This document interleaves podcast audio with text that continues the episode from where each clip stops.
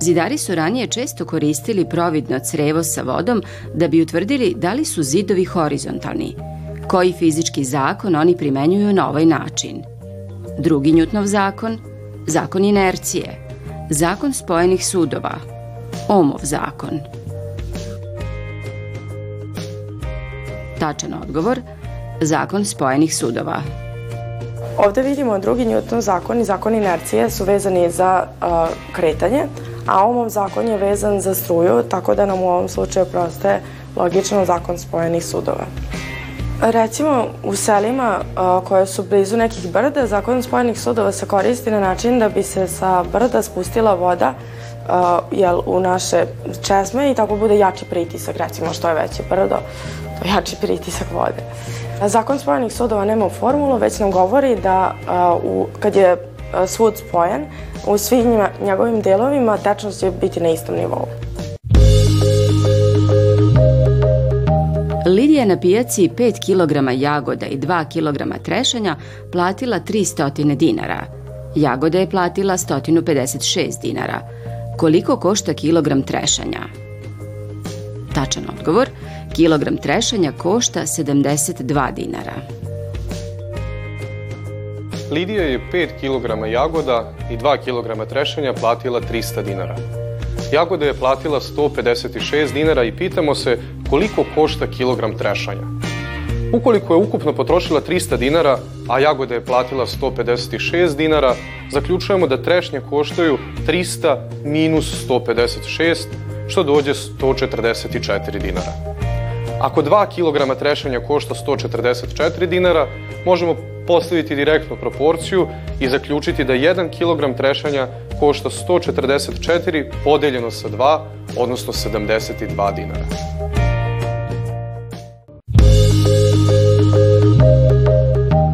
Podvuci u navedenom nizu reči dve izvedene imenice. Cvet, maslačak, pčela, grm, borovina, voćnjak. Tačan odgovor – borovina, voćnjak. Samo imenice borovina i voćnjak su izvedene. Ostale imenice su korenske, što znači da one mogu biti podloga za neku novu izvedbu. Imenice borovina i voćnjak dobijene su derivacionim postupkom sufiksacije. Na korene tih reči dodati su sufiksi. Postupci derivacije služe nam radi ekonomičnosti u jeziku.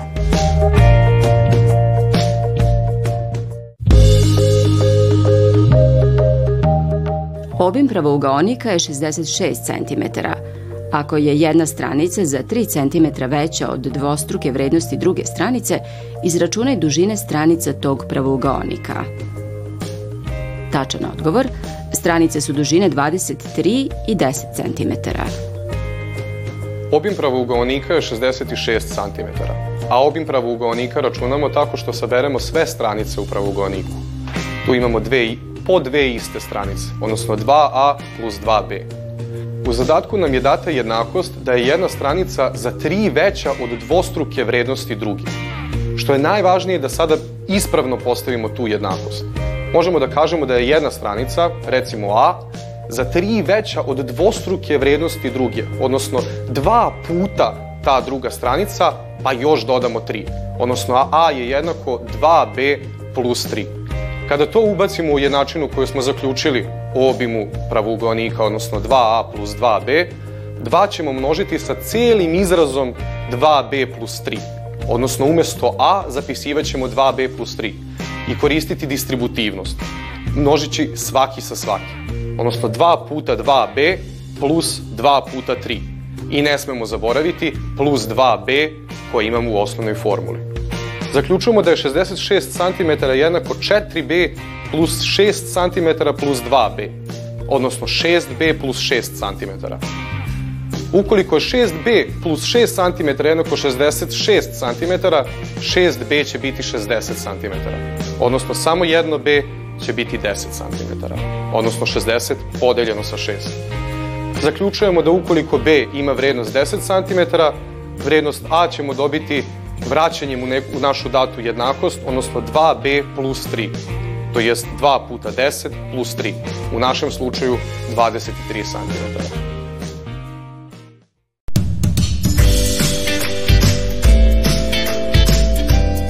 Kako se zove član lanca ishrane koji koristi mineralne substance nastale u procesima razlaganja uginulih organizama? Tačan odgovor, proizvođač, proizvođač organske substance, producent. Ovo je jedno trik pitanje na koje dosta ljudi greše, pa ću pokušati da ga što bolje objasnim.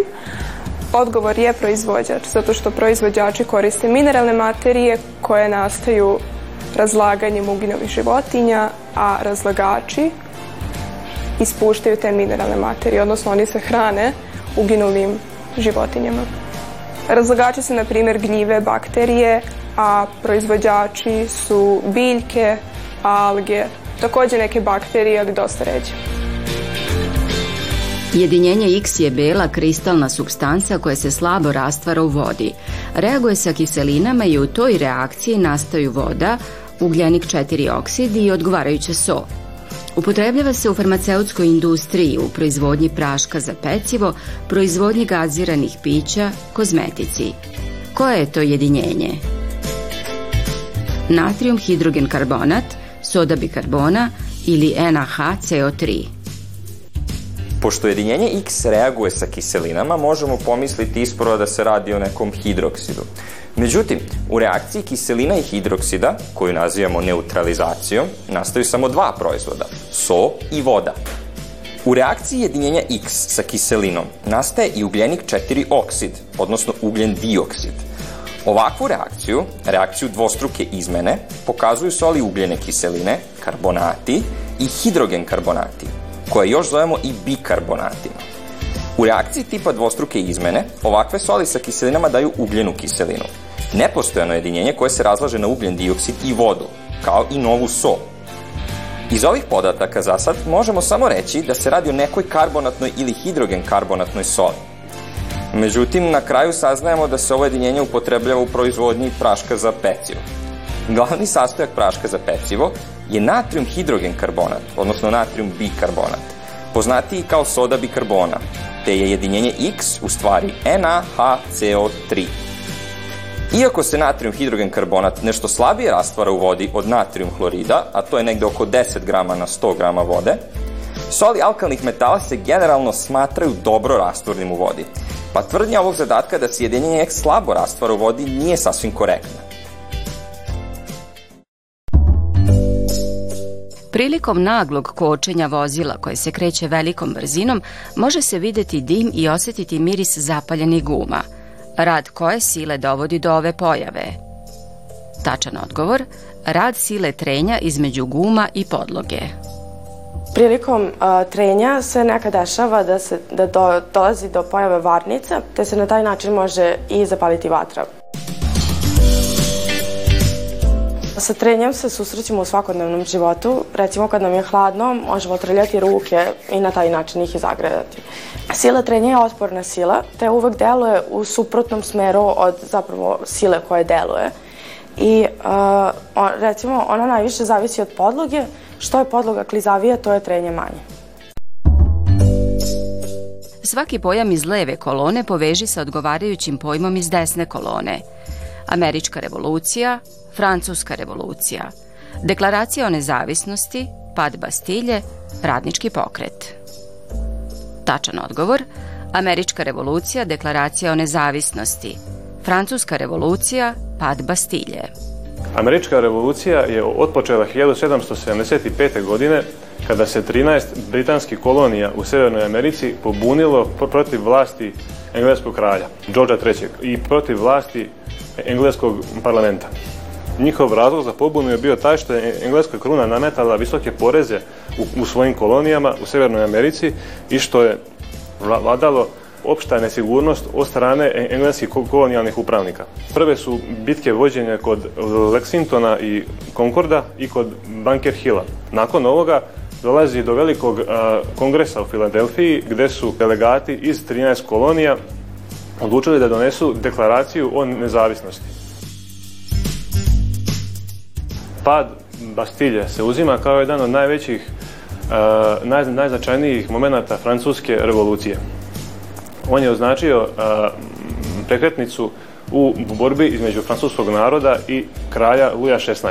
Zato je kralj uh, sazvao veliku skupštinu staleža, gde su tri staleža Francuske morala da odluče kako da reše su sudbinu zemlje. Pošto su stalež sve, sveštenstva i stalež prvenstva konstantno blokirali rad trećeg staleža na ovoj skupštini, treći stalež se izdvaja iz skupštine i formira svoju narodnu skupštinu sa rešenjem da donese svoj ustav, novi ustav Francuske i da ograniči moć kralja Luja XVI.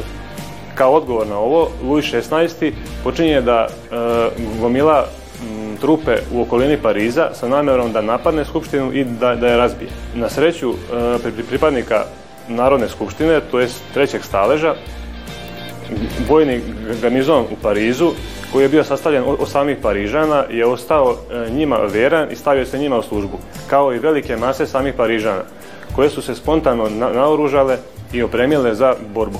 Bastilja je osvojena na, na juriš, nakon čega su pripadnici njenog garnizona ubijeni, a zatvorenici koji su bili u njoj su pušteni. Nakon pada Bastilje, simbola kraljevske vlasti u Parizu, dolazi do velikog širenja revolucije i van, van Pariza.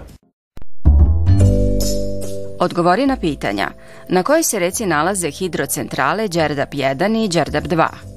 Na kojoj se reci nalaze hidrocentrale Bajna Bašta i Zvornik? Tačan odgovor. Na Dunavu, na Drini. Hidroelektrane Đerdap 1 i Đerdap 2 se nalaze na Dunavu i Đerdap 1 je veća hidroelektrana i napravljena 1970. godine, dok je Đerdap 2 napravljen 1982. godine. Obe elektrane pripadaju u neravnovnoj meri Srbiji i Rumuniji, dok se hidroelektrane Zvornik i Bajana Bašta nalaze na Drini. E, to su u potpunosti srpske hidroelektrane i napravljene su razmak od nekih 17 godina. Zvornik koji je manja hidroelektrana je napravljen 55. godine, a 1982. je napravljena veća hidroelektrana Bajna Bašta. Sagorevanjem ugljovodonika nastaju ugljenik 4 oksid i voda. Jednačinom hemijske reakcije predstaviti sagorevanje metana, CH4. Tačan odgovor, CH4 plus 2O2 jednako je CO2 plus 2 H2O. Znamo da sagorevanja predstavljaju reakcije sa kiseonikom. U ovom slučaju, kada pišemo sagorevanje metana, kiseonik moramo pisati kao dvoatomski molekul, O2. Kao proizvodi nastaju ugljenik 4 oksid, odnosno ugljen dioksid, čija je formula CO2 i voda, H2O. Da bismo dobili tačnu jednačinu hemijske reakcije, moramo proveriti da li s obe strane reakcione strelice postoji jednak broj atoma svakog elementa. U ovom slučaju, vodonikovih atoma sa leve strane imamo 4, a s desne strane samo 2. Pa dodajemo koeficijent 2 ispred vode, a sada na levoj strani imamo 4 atoma kiseonika, a na desnoj samo 2, pa moramo dodati koeficijent 2 i ispred kiseonika – Ovako je jednačina reakcije sređena ili kako mi to kolokvijalno kažemo izjednačena. Šta je od navedenog tačan odgovor? U pravouglom trouglu ABC na slici unutrašnji uglovi kod temena A i B su suplementni, unakrsni, komplementni, uporedni. Tačan odgovor komplementni. Nas zanima kako se odnose uglovi kod temena A i B. Kod temena C najčešće, kao što i u ovom slučaju, je ugao od 90 stepeni, odnosno prav ugao. A mi znamo da je zbir uglova u trouglu 180 stepeni. Pa ukoliko postavimo jednakost da je 90 plus ugao kod temena A plus ugao kod temena B 180 stepeni, zaključujemo da je zbir uglova koje se nalaze kod temena A i B 180 minus 90 stepeni, odnosno 90 stepeni.